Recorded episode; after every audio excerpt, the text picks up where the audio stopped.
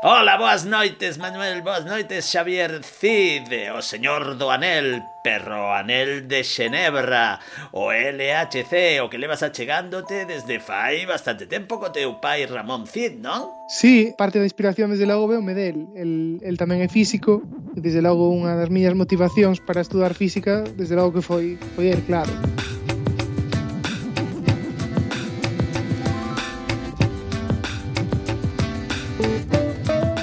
pro tempo de conversa desta noite contamos o outro lado do teléfono co físico de partículas experimental do Instituto Galego de Física de Altas Enerxías, o IFAE, con Xavier Cid, el investigador Ramón y Cajal da Universidade de Santiago.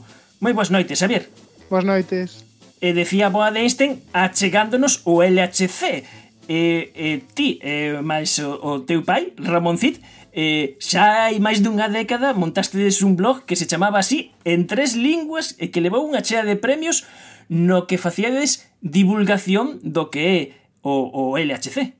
Sí, eh, a verdad que leva moito tempo hai que recoñecer que a maior parte do traballo eh, era Ramón, o meu pai, quen a facía, pero sí, sí que foi un placer e sí que creo que lle resultou útil a moita xente a, a páxina web e sigue lle resultando útil porque aínda hoxe por hoxe moitas veces recibimos correos electrónicos de xente que pregunta ou que, ou que quere aclaracións ou que quere mesmo facer correccións. Penso que sigue tendo bastante éxito realmente. E, e cando foi a primeira vez que pisaches físicamente O, o CERN, o Laboratorio Europeo de Física de Partículas, onde está esta instalación, o famoso LHC, o anel que une a todos, como dicía a boa. Pois eh, a primeira vez que estiven ali, en Xinebra estivera de pequeno, cos meus pais, pero non, non chegara a ir ao, ao CERN en si sí mismo, estiveramos de vacacións, pero despois sí que no ano 2007, cando estaba rematando a carreira de física, eh, hai un, unha cousa que se chama eh, un programa de Summer Students, de estudantes de verán, que todos os veráns convoca a estudantes de toda Europa, bueno, de todo o mundo realmente, para, para ir ali a facer, digamos, prácticas ou para ser introducidos na, na investigación en física de partículas. Eh, disculpade polo gato. xa, xa, xa escoitaba eu. Sí, sí, sí. Ah, mi niño, mi chiño. Fuga, fu, fun ali por primeira vez no ano 2007, como decía, nese verán, como estudante de verán, e xa a partir de aí pois teño ido moi, teño estado ali todos os anos ata agora que por culpa da pandemia pois non puden ir eh, no 2000 no 2020, no 2020 creo que foi o primeiro ano desde 2007 que non estiven no CERN absolutamente nada.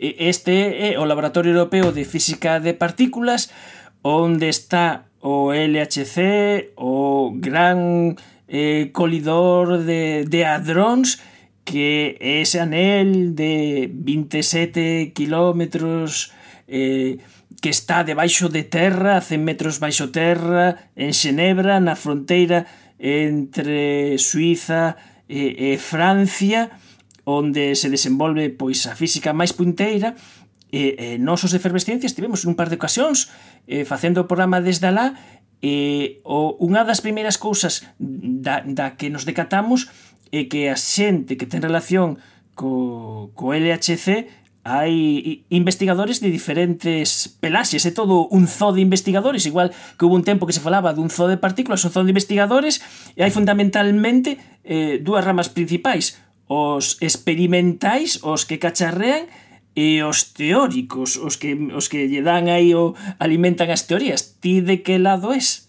Aí, digamos, aí non a terceira rama que é a máis a máis eh, a máis a que máis abunda neste zoo que son os, os enxeñeiros. Os enxeñeiros Hai moitísimos tamén. enxeñeiros, eh, os enxeñeiros son a peza clave para, para construir o acelerador e os experimentos. Dentro dos físicos, como ti dis, estamos os experimentais, eh, que, que uno que me inclúe os teóricos, ainda que realmente creo que hai bastante interrelación, eh, creo que cada vez máis todos intentamos hacer un poquinho, teño eh, por exemplo, algunhas publicacións feitas con, con físicos teóricos, onde facemos cousas máis relacionadas co que se chama fenomenoloxía, é dicir, con predicir como algúns modelos poden dar lugar a, a determinados fenómenos no, no LHC, pero sí que é certo que no, no meu caso pois a, a maior parte da miña da miña carreira é como experimental, é dicir, pois facendo análise de datos do LHC, facendo tamén un poquiño de detectores, eh, e despois hai xente máis teórica hai xente máis intermedia, como decía antes, que en teoría que fan fenomenoloxía e logo hai teóricos máis puros que fan puramente pois eh, matemáticas casi casi, non? Que, por exemplo, pois poden ser os que fan cordas. Os teóricos son os que traballan con lápis papel e unha papeleira. Alguns. Casi casi, sí, sí, casi casi. eh, eh, este esta gran máquina probablemente a máquina máis complexa que teña feito a humanidade, este LHC, Eh, podemos, se, se, se, te parece, eh, lembrar un poquinho como funciona para poñérmonos eh, en situación porque o que, o que fai é eh, que colidan partículas, neste caso eh, protóns que aceleran a velocidade, case a velocidade mm, da luz, e hai catro sitios, catro interseccións nestes, eh, neste anel onde coliden as partículas e onde están situados precisamente catro grandes detectores. Sí, contáchelo moi ben. O acelerador está situado a 100 metros baixo terra e ten, como diste, 27 km e un túnel. Dentro do túnel hai un acelerador eh, que está composto esencialmente por, por imáns eh, que focalizan os protóns para que estean todos moi pegadiños uns aos outros e tamén permiten que se manteñan a trayectoria. Eh, logo hai outras zonas que tamén os aceleran linealmente, que se chaman cabinas de radiofrecuencia E grazas a iso, pois os aceleradores entran nunha, nesa traxectoria, ah, os protóns, perdón, entran nesa traxectoria ata que chegan a, a velocidade da luz. Despois coliden, como ti dicías, en catro puntos e eses puntos alrededor deles hai catro que chamamos detectores que podemos imaginar como catro grandes cámaras de fotos. Unha cousa que acontece que é bastante única da, da física, eh, sobre todo a física cuántica, é que o resultado da colisión non sempre é o mesmo o cal é un pouco antiintuitivo, non? Se nos tiramos, por exemplo, dúas bolas de billar, unha contra outra, coa mesma traxectoria, o que, o que, o que, o que sucede despois sempre se pode predicir. Eh, digamos que a física clásica é determinista. A física cuántica non, a física cuántica funciona por probabilidades. Cando hai unha colisión, nos podemos predicir que probabilidade de que algo suceda, pero non o que vai suceder. Iso fai que precisemos to tomar fotos absolutamente de todas as colisións, porque non sabemos en cada unha delas que vai suceder e queremos medir fenómenos extraños. Digamos que os fenómenos que máis nos interesan son moi improbables, entón precisamos moitas colisións para poder velos. Entón estas, cámaras, estas cámaras de fotos, que son os detectores, ao final teñen que tomar millóns de fotografías cada segundo para así quedarnos só con aquelas que nos interesen e filtrar o resto. Eh, de feito, estes gran, grandes eh, detectores eh, teñen a, a, a capacidade de eh, de, de, ver eh, como se disparan, de, de hai tanta información aí acumulada que hai parte dela que a desbotan porque sería imposible de, de almacenar, ah, uh, ten que ver os datos que, que interesan no momento, e, e a cuestión é que o que fai este gran acelerador cando chocan eh, estes protóns está concentrando eh, enerxía en, eh, nun, eh, está concentrando enerxía unha enerxía que pode ser pequeniña, ou sea, unha mosca voando ten máis enerxía, pero a concentra tanto que as cantidades que aí se disipan son eh, ben grandes. Claro, iso é o que te dis. Eh, a enerxía en sí mismo como protón, digamos, ten moi moi pouca masa, enerxía total, non que tes nun protón é moi pequena. O tema que vai moi moi rápido e ademais hai que ter en conta que hai moitísimos protóns colidindo á vez. Entón, se ti sumas a enerxía de todos esos protóns eh, integrada, se que tes unhas enerxías realmente eh, inmensas. Eh, e, de feito, a, o LHC pues, pois, é un consume, consume bastante cantidad de enerxía por, por, por esta cuestión, claro.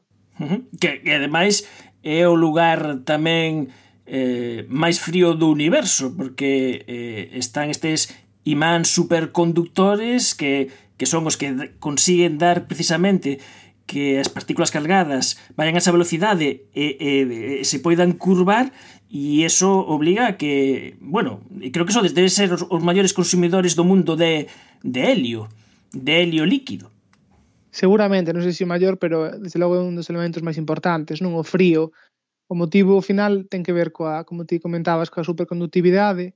Unha cuestión é un, é un o que temos aí son electroimáns, eh, do mesmo xeito que podemos ter pois nun ás veces como estos que se ven nas películas que levantan os coches, só que neste caso necesitamos eh, campos magnéticos intensísimos, eh, moito maiores dos que hai en ningún outro sitio no, no planeta, e para conseguir esos campos magnéticos tan grandes necesitamos, polo tanto, correntes eléctricas moi, moi grandes. Un cable normal nun corrente eléctrica tan grande o que faría sería fundirse inmediatamente. Entón, que precisamos son materiais supercondutores. A única maneira que temos hoxe por hoxe de conseguir a, a superconductividade e achegarnos ao cero absoluto, que son menos 273 grados centígrados, eh, e, por tanto, eh, o, por iso, por iso a cuestión que, que, que falabas de que o, o LHC é un dos lugares máis fríos da, da Terra. Ademais, tamén, outra peculiaridade é o baleiro. Como os protóns non queremos que se esnafren contra nada máis que contra eles mesmos, o, o acelerador é un lugar onde hai non hai absolutamente nada máis que non sexan os propios protóns. entonces consigues un valeiro maior do que hai no espazo exterior, por exemplo. Eh, o sea que ese anel é un anel totalmente extremo por frío e por Valeiro, aunque bueno, eh, logo falas cos, cos físicos da e ti din que o Valeiro ten moitísimas cousas, que ten estructura, que ten isto é unha cousa difícil de comprender, pero se non nos imos meter por, por eses vieiros. Eh, estes acelerador, estes detectores, eh, hainos de, de diferentes eh, de diferentes formas de construcción, eh, de diferentes incluso tipologías, hai los que son casi como unha catedral, que como, como pode ser o Atlas, que son perfectamente simétricos, e, e funcionan estes detectores con un modelo de, de capas de, de cebolas que detectan os, eh, as partículas as máis próximas que non poden eh, pasar do punto de interacción e a medida delas eh, es, hai algunhas partículas que dai se escapan, entonces pos outros detectores, eh, para que se escapan, outro detector. Ese é o modelo de como funcionan estas cámaras tan precisas. Sí, eh, esencialmente é o, o que é o que dis. A, cando temos unha colisión, interesanos saber dela varias cousas. Por un lado, interesanos saber a enerxía das partículas de cada unha das partículas producidas na colisión. E por outro lado, a súa identidade. Entón, para saber iso, típicamente o que se o que se utilizan son tamén campos magnéticos, non é o campo magnético que, me, que falaba antes do, do propio acelerador, é un campo magnético distinto, que o que che fai curva che as partículas. Entón, o curvalas, por unha cosa que se chama en física a lei de Lorentz, a lei de Lorentz diche que unha partícula con carga eléctrica ante un campo magnético vai ser curvada. E, a, e a canto se curva depende da súa, da súa enerxía. Entón, o que facemos é mm, medir esa curvatura e como sabemos tamén canto valor do campo magnético, a partir, a partir da trayectoria podemos saber canta é a súa enerxía. Entón utilizamos os imáns no, no propio detector para saber para saber a curvatura. Entonces, para saber a curvatura temos que saber por onde pasaron. Entón, temos o que se chaman detectores de trazado. Despois, despois tamén temos outro tipo de, de detectores que nos axudan a saber a enerxía das partículas neutras eh, como o que estaba comentando dos, dos, dos imáns, de que curvan as partículas e lo funcionan para partículas cargadas, pero, por exemplo, as neutras, como poden ser os fotóns, non, non interaccionan co campo magnético e non se curvan, por lo tanto, para saber a súa enerxía necesitamos outro tipo de detector que se chaman calorímetros. Despois tamén necesitamos outros tipo de detectores para saber a identidade das partículas, o que comentabas antes. Hai unhas, por exemplo, que son moi pouco interaccionantes, que se chaman muons, esas son capaces de atravesar todas as capas da cebola ata, ata a última, ata, ata máis exterior, entón sabemos que todo o que chega esa última capa exterior seguramente sexa un muón. Por outro lado, os que morren antes pois deben ser de outro tipo. Entón, ao final, a, a, as diferentes estruturas do detector teñen esa, esa misión. Por un lado, saber a enerxía das partículas e por outro lado, saber que tipo de partículas son. Pois se son un muón, un fotón, por exemplo, ou outro tipo.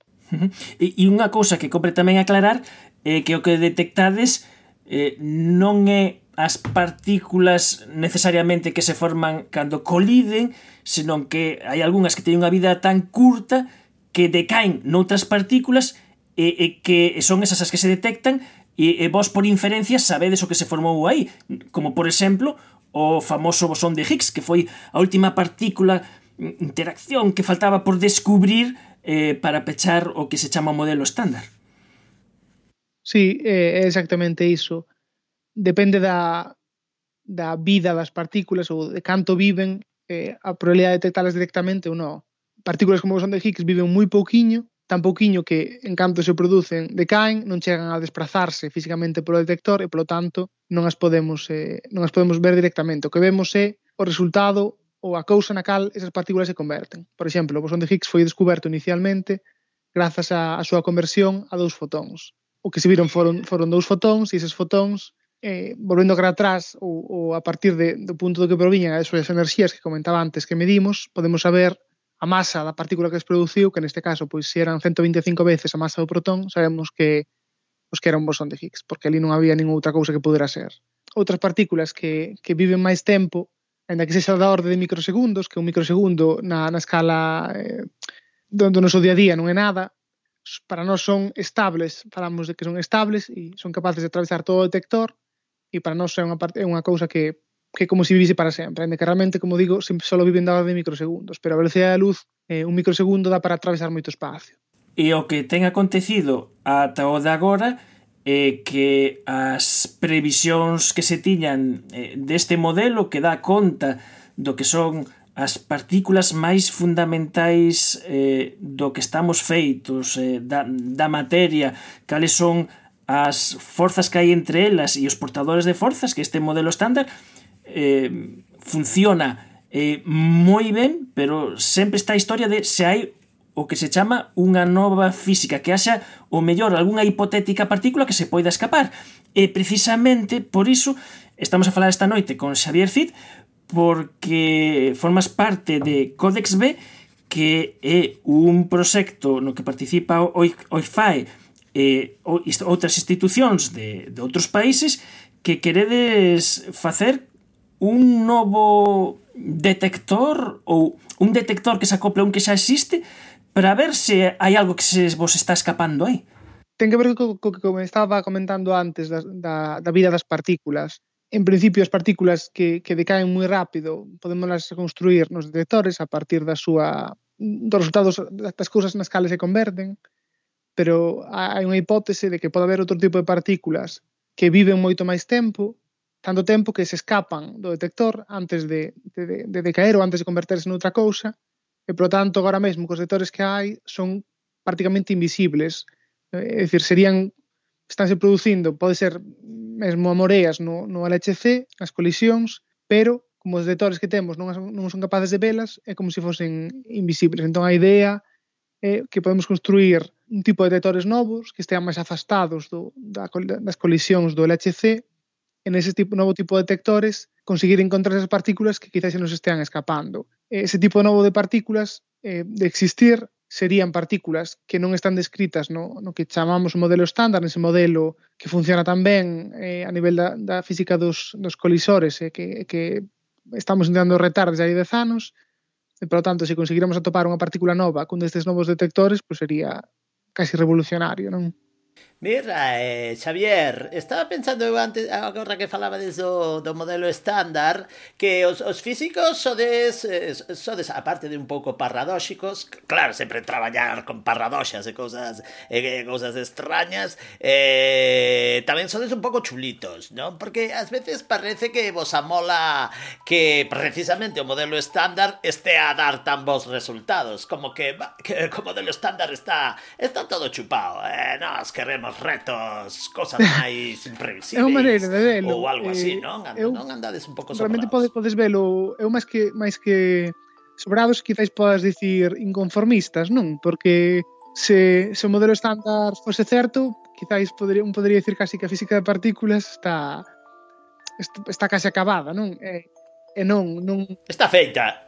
Ese, eso, eso que se di nas tabernas, isto está feito. Este, claro, este pero xa, realmente nos creemos que non. Nos creemos que somos inconformistas e creemos que tenga que haber un modelo máis sinxelo, mellor, que explique mellor a natureza e que tamén comulgue mellor coas observacións que temos a nivel cosmolóxico que o modelo estándar pois non o consigue. Ese é o gran problema, non? Por exemplo, pois non é capaz de, de, de explicar a materia escura que que se ve a nivel cosmolóxico de, de bastante xeitos distintos. Porque de atopar estas eh, novas partículas, ou estas, vamos a dicir, hipotéticas partículas de, de longa vida, eh, poderían ter algunha relación ou poderían dar pistas sobre a enigmática materia escura que non se sabe, eh, sábese que é unha porcentaxe eh, moi importante eh, da materia do universo, pero non se sabe, non se ten nin idea de que está feita. Sí, sí que tería moito que ver. Eh, por dúas cousas, non? Por un lado porque se se atopa unha nova partícula que non pertence ao modelo estándar, que non pertence ese modelo eh, da física actual, automáticamente invalidamos o, o modelo estándar e se invalidamos significa que ten que haber outro modelo e ese novo modelo pode conter materia oscura perfectamente. É certo que estes detectores novos non van a topar directamente materia oscura, polo menos en principio, en que ah, hai algúns modelos que din que quizáis algo se podría ver pero en principio non é, non é a misión atopar materia escura porque, porque a materia escura en sí mesma ten que ser estable porque senón non se podría observar a nivel cosmolóxico e como decía antes nos buscamos partículas, nos imos buscar nestes detectores novos como o Codex, partículas que viven moito tempo pero que ao final acaban decaendo. Desde o punto de vista, en principio, non son materia, non son materia escura, pero sí que serían, digamos, curmáns ou, ou, ou mesmo familiares máis directas das partículas que poderían ser parte da materia oscura. Entón, desde ese punto de vista, tamén iría na, claramente na boa dirección se topáramos unha partícula nova dese tipo. E, e quen queira saber, eh, facerse unha idea visual de como vai ser este novo detector eh, no que participa Xavier Cid, este Codex B, que primeiro se vai facer un demostrador e logo se cousa vai ben un máis grande, pois o que ten que pescudar Eh, por, por exemplo, na página do, do IFAI, do Instituto Galego de Física de Altas Enerxías, o, o vídeo que fixestes coa xente de divulgare onde, nada, eh, vos destes por facer u, un vídeo en, en 3D explicando como, como se sitúa a, ao lado de, de, do detector LHCb no que ti levas traballando xa eh, varios anos e como un poquinho afastado dese detector vai o, o voso novo detector. Sí, eh, convido vos a todos a que, a que o vexades, fixémolo co, co maior ilusión, e eh, fixémolo ademais eh, trilingüe en galego, castelán e inglés, e, bueno, podedelo atopar na, na página web do, do ICFAI ou, ou en Twitter, no meu Twitter de Partículas GZ ou no Twitter tamén do propio ICFAI. Quedou bastante chulo, eu creo, eh, ilustra un pouco eh, o que realmente o que levamos comentado nestes minutos. Eh, é máis fácil, eu creo que de, de, de, de entender se un ten as imaxes diante, está todo bastante animado e a verdade é que esta xente de divulgar eh, pois, fixo, un, fixo un bo traballo desde o meu punto de vista. Uh -huh. E, e ese detector eh, vai ser ese detector do que te decías dos diferentes tipos de detectores un no que se vai ver a traza das partículas eh, eh, de, tedes un gas que se ioniza e eh, aí salta un sinal eléctrico pode seguir esa traza de por onde van esas hipotéticas partículas no caso de, de existiren.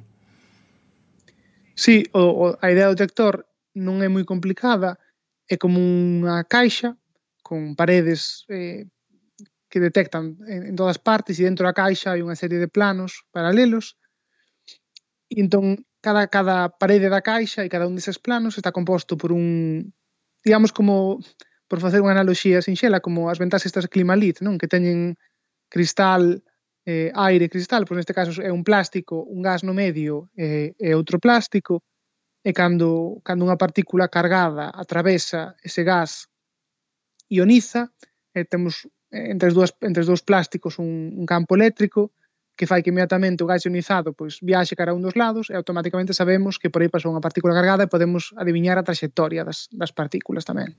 Uh -huh. E, e como sabedes que um, que a partícula é unha partícula xerada no eh, por, por unha colisión no acelerador e non é, por exemplo, un rayo cósmico, que tamén son partículas que nos están a pasar continuamente. Pois a, a maneira máis máis doada de, de sabelo é pola, pola trayectoria. Se ti no espazo empezas a ter unha serie de puntos aliñados eh, un detrás do outro, pode saber cal é a traxectoria da partícula. Entón, esa traxectoria da partícula, neste caso, ten que apuntar cara ao punto onde se, onde se produciu a colisión protón-protón.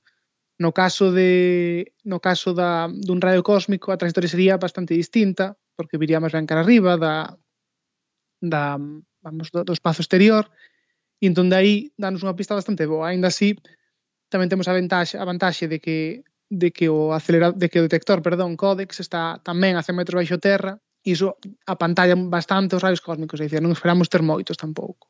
Iso vai nos axudar. Mira, Xavier, e co, como vos está afectando no CERN, eh, bueno, como afectou o CERN o tema da, da COVID? Porque polo da gorra creo que está desde parada longa, ainda que non me extraña co prezo da, da electricidade, e, eh, e non o digo de coña, eh? porque parece ser que sí que facedes parradas cando a luz vai moi cara ou para forrar luz, non sei. A ver, en, en Francia uh, teñen electricidade bastante máis barata do que temos nós e iso axuda, iso axuda bastante. Pero sí que é certo que agora mesmo a, o, o acelerador está, está parado, estamos nun momento de actualización, tanto do acelerador como dos detectores, e agardamos que a, que a cousa volva a arrancar outra vez pois dentro dun ano aproximadamente. En teoría debera ter arrancado xa agora, cara, cara a primavera, pero a COVID eh, impediuno porque a xente deixou de poder viaxar a Xinebra e deixou de poder traballar no que, no que había que traballar e iso pues, provocounos un retraso de prácticamente un ano. Entón non agardamos ata seguramente eso, pois eh, marzo así do 22 volver volver comezar outra vez. e, e o CER acadou a súa potencia máxima que para que estaba diseñado porque eh, A potencia de, destas colisións mírese nunha unidade que son teraelectronvoltios, estaba deseñado para 14 teraelectronvoltios, que a máxima enerxía que pode conseguir. Non sei se nas rondas previas alcanzou esa máxima eh, potencia de, de intensidade das, das colisións ou, ou vai nesta terceira ronda? A idea que vai agora, eh, non temos garantía absoluta de que, de que, de que vayamos conseguir, pero posiblemente, posiblemente sí. Eh, no, no ano no, no período entre 2016 e 2018 estivemos funcionando a 13 electronvoltios, que case case a, a enerxía de deseño, que eran 14, eh, que estamos eh, moi moi pretiño de, de, de conseguilo. Eh, o problema é que a xente quere ter moito cuidado con ese tema, porque cando estábamos comezando no ano 2009, houve un, un problema que, digamos que tentou ir demasiado rápido e ou, ou había un, un fallo eléctrico e houve unha explosión e iso provocou que os que, bueno, provocou un, un retraso tamén dun ano prácticamente. É dicir, o, o LHC en lugar de comezar no 9, tivo que comezar no 10. E entón desde ese momento, desde ese momento tentamos ir con moito cuidado e con moito tino, por iso eh, o de chegar aos 14 pénsase que, que vai ser posible a partir do, do ano que ven, pero, pero a xente quere ter, quere ter tino e, ademais, e ademais é certo que estamos prácticamente xa conseguimos porque estamos en 13, non era 14.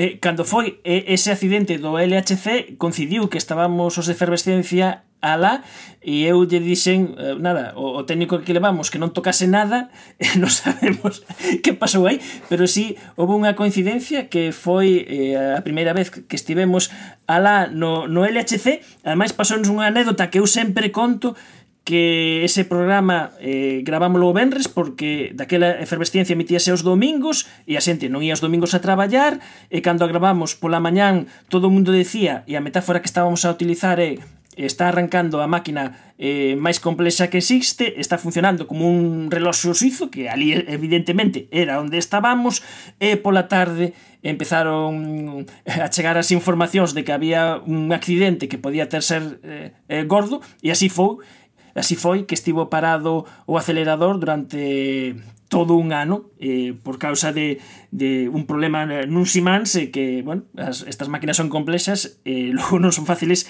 de, de reparar. Mira, eh, Xavier, é unha preguntiña que mellor te sorprende. Ti que es, linear ou circular? Quero dicir, como van ser os seguintes xoguetiños dos físicos de partículas? Anéis máis longos, túneles lineais kilométricos, bueno, mellor dito, super mega kilométricos, eh, Ademais, nisto vas ter certa influencia, non? Conta, conta, veña, cuspe, cuspe. Pois, eh, pois non sabemos, é o que, é o que agora mesmo se está a decidir. Hai, hai dúas ideas, podes decir que compiten, unha é construir un acelerador parecido ao LHC, pero en lugar de ser de 28 km, de 100 km, para acadar enerxías moito máis altas nas colisións, E outra proposta que facer, como, como, como, como decías, un acelerador linear que en lugar de, de protóns coli, colidiría eh, electróns e positróns uns contra outros. E ese sería máis pequeno, pero tamén sería unhas características un pouco distintas. Sería sobre todo para estudar o, o bosón de Higgs. O motivo de que, de que igual teña algo que ver eu é porque a finais do ano pasado creouse un novo un novo comité asesor dentro do CERN que se chama ECFA e dentro, bueno, ECFA xa existía de antes, pero en concreto o que se creou foi unha rama de ECFA máis para investigadores novos, pensando en que en que o, os aceleradores de partículas cando se discuten, discútense sempre a 20, 30 anos vista, entón había un, había un paradoxo aí que era o feito de que a xente que o estaba discutindo non que eran xente tipicamente pois moi senior non iban vivir eses experimentos. Entón o que se decidiu foi que, que había que crear unha parte dese, desa comité ECFA que fora para se di en inglés early career researchers ou investigadores que están eh, comezando na súa carreira. No meu caso non estou exactamente comezando, pero tampouco son tan tan bello, entón pois, son un dos tres representantes de España dentro dese comité. Entón, si que desde ese punto de vista, pois, eh, algo algo pintamos no, no, no que vai suceder eh, no futuro. Ainda que de momento, como digo, non o sabemos, hai esas, hai esas dúas propostas, e ao final tamén vai depender de que de que teñamos o diñeiro para poder facelo, non? E na comisión que está traballando en tan importante tema tamén está o xefe do ICFAE, Carlos Salgado. E, e a mellor agora os vosos compañeiros, xa lles chamarredes antigos compañeiros e vos empezan a facer a pelota e poñervos alfombras vermellas. E... Sí, a ver, realmente o papel de Carlos é máis importante que o meu porque eu estou no comité dos novos e ele está no comité dos vellos. Que ten o poder o poder de verdade. Non con isto que me perdone Carlos, non me estou chamando vello, pero sí que ten anos sí que temos anos camín para estar nese O, o, como se chama iso? A pandilla de ancianos. Os ancianos da física de partículas, non? Eso, comi, o comité de ancianos. E o que queres é meterme nun lío, eh? porque Carlos, ao final, é o meu xefe. Eh...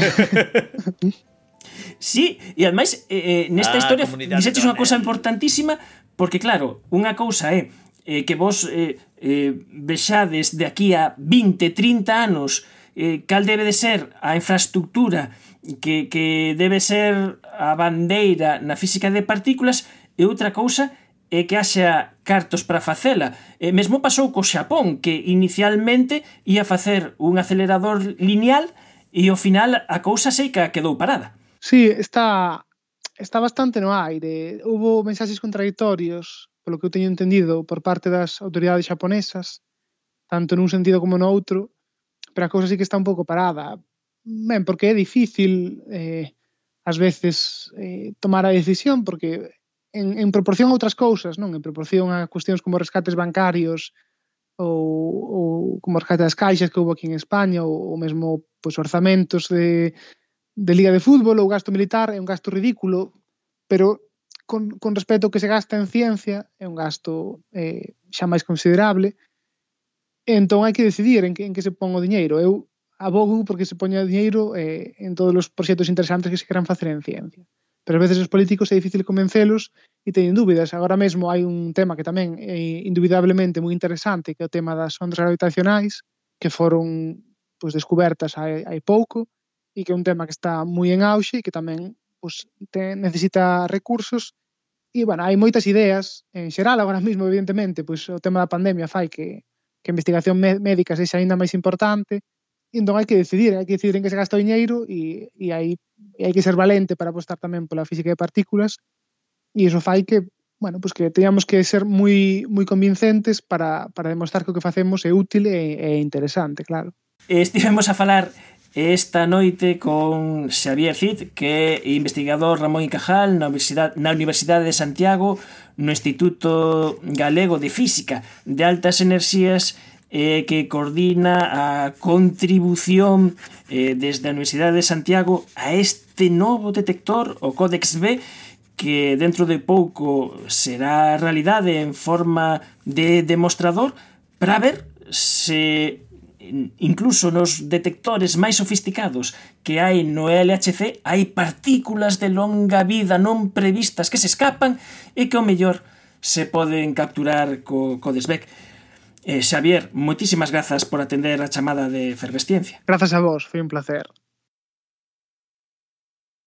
Mira, Xavier, mira, para estes tempos de confinamento non nos podes recomendar unha película ou novela de ciencia ficción ou do que a te dé a gana. Pois mira, eh, eu unha, unha novela que, que lin últimamente, de feito, bueno, penso que, penso que lin no, durante o primeiro confinamento, en marzo, é dun escritor chino que se chama Li, a ver se digo ben, Li, Li Xiuxin. Eh, sup, supo, supoño que dirías ben. Chamase O problema dos tres corpos. Eh, é unha triloxía, é unha triloxía e eh, realmente a min enganchoume moitísimo desto de que te quedas ata as tantas da mañá cando non deberías eh, léndoa non recomendo a todo mundo. O problema dos tres corpos. Pois con esta recomendación eh, literaria que tamén así eh, nos axuda a coñecer un poquiño o noso convidado, pois pechamos esta viaxe pois o máis fundamental da materia. Moitísimas grazas, Xavier. Thank you. Bueno, pois nada, chao chaiño, Xavier. E, e sauda tamén o gato de Schrödinger que hoxe estaba por aí na tua casa, non? Por mecánica cuántica se funde el protón. Por mecánica cuántica se escapa el fotón. Por mecánica cuántica enloquece el electrón. Por mecánica cuántica te quiero un montón. Ey, quark, a compás fractal. Ey, quark, a compás fractal Baila el quark, a compás fractal Por mecánica cuántica, a compás fractal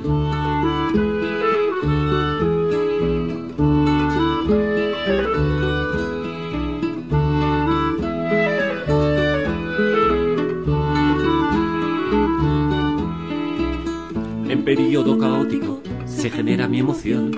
Por costumbre estrambótica me provoco la reacción. En mi cocina atómica probaremos la fusión. Y en cadena catastrófica, si me besas con pasión.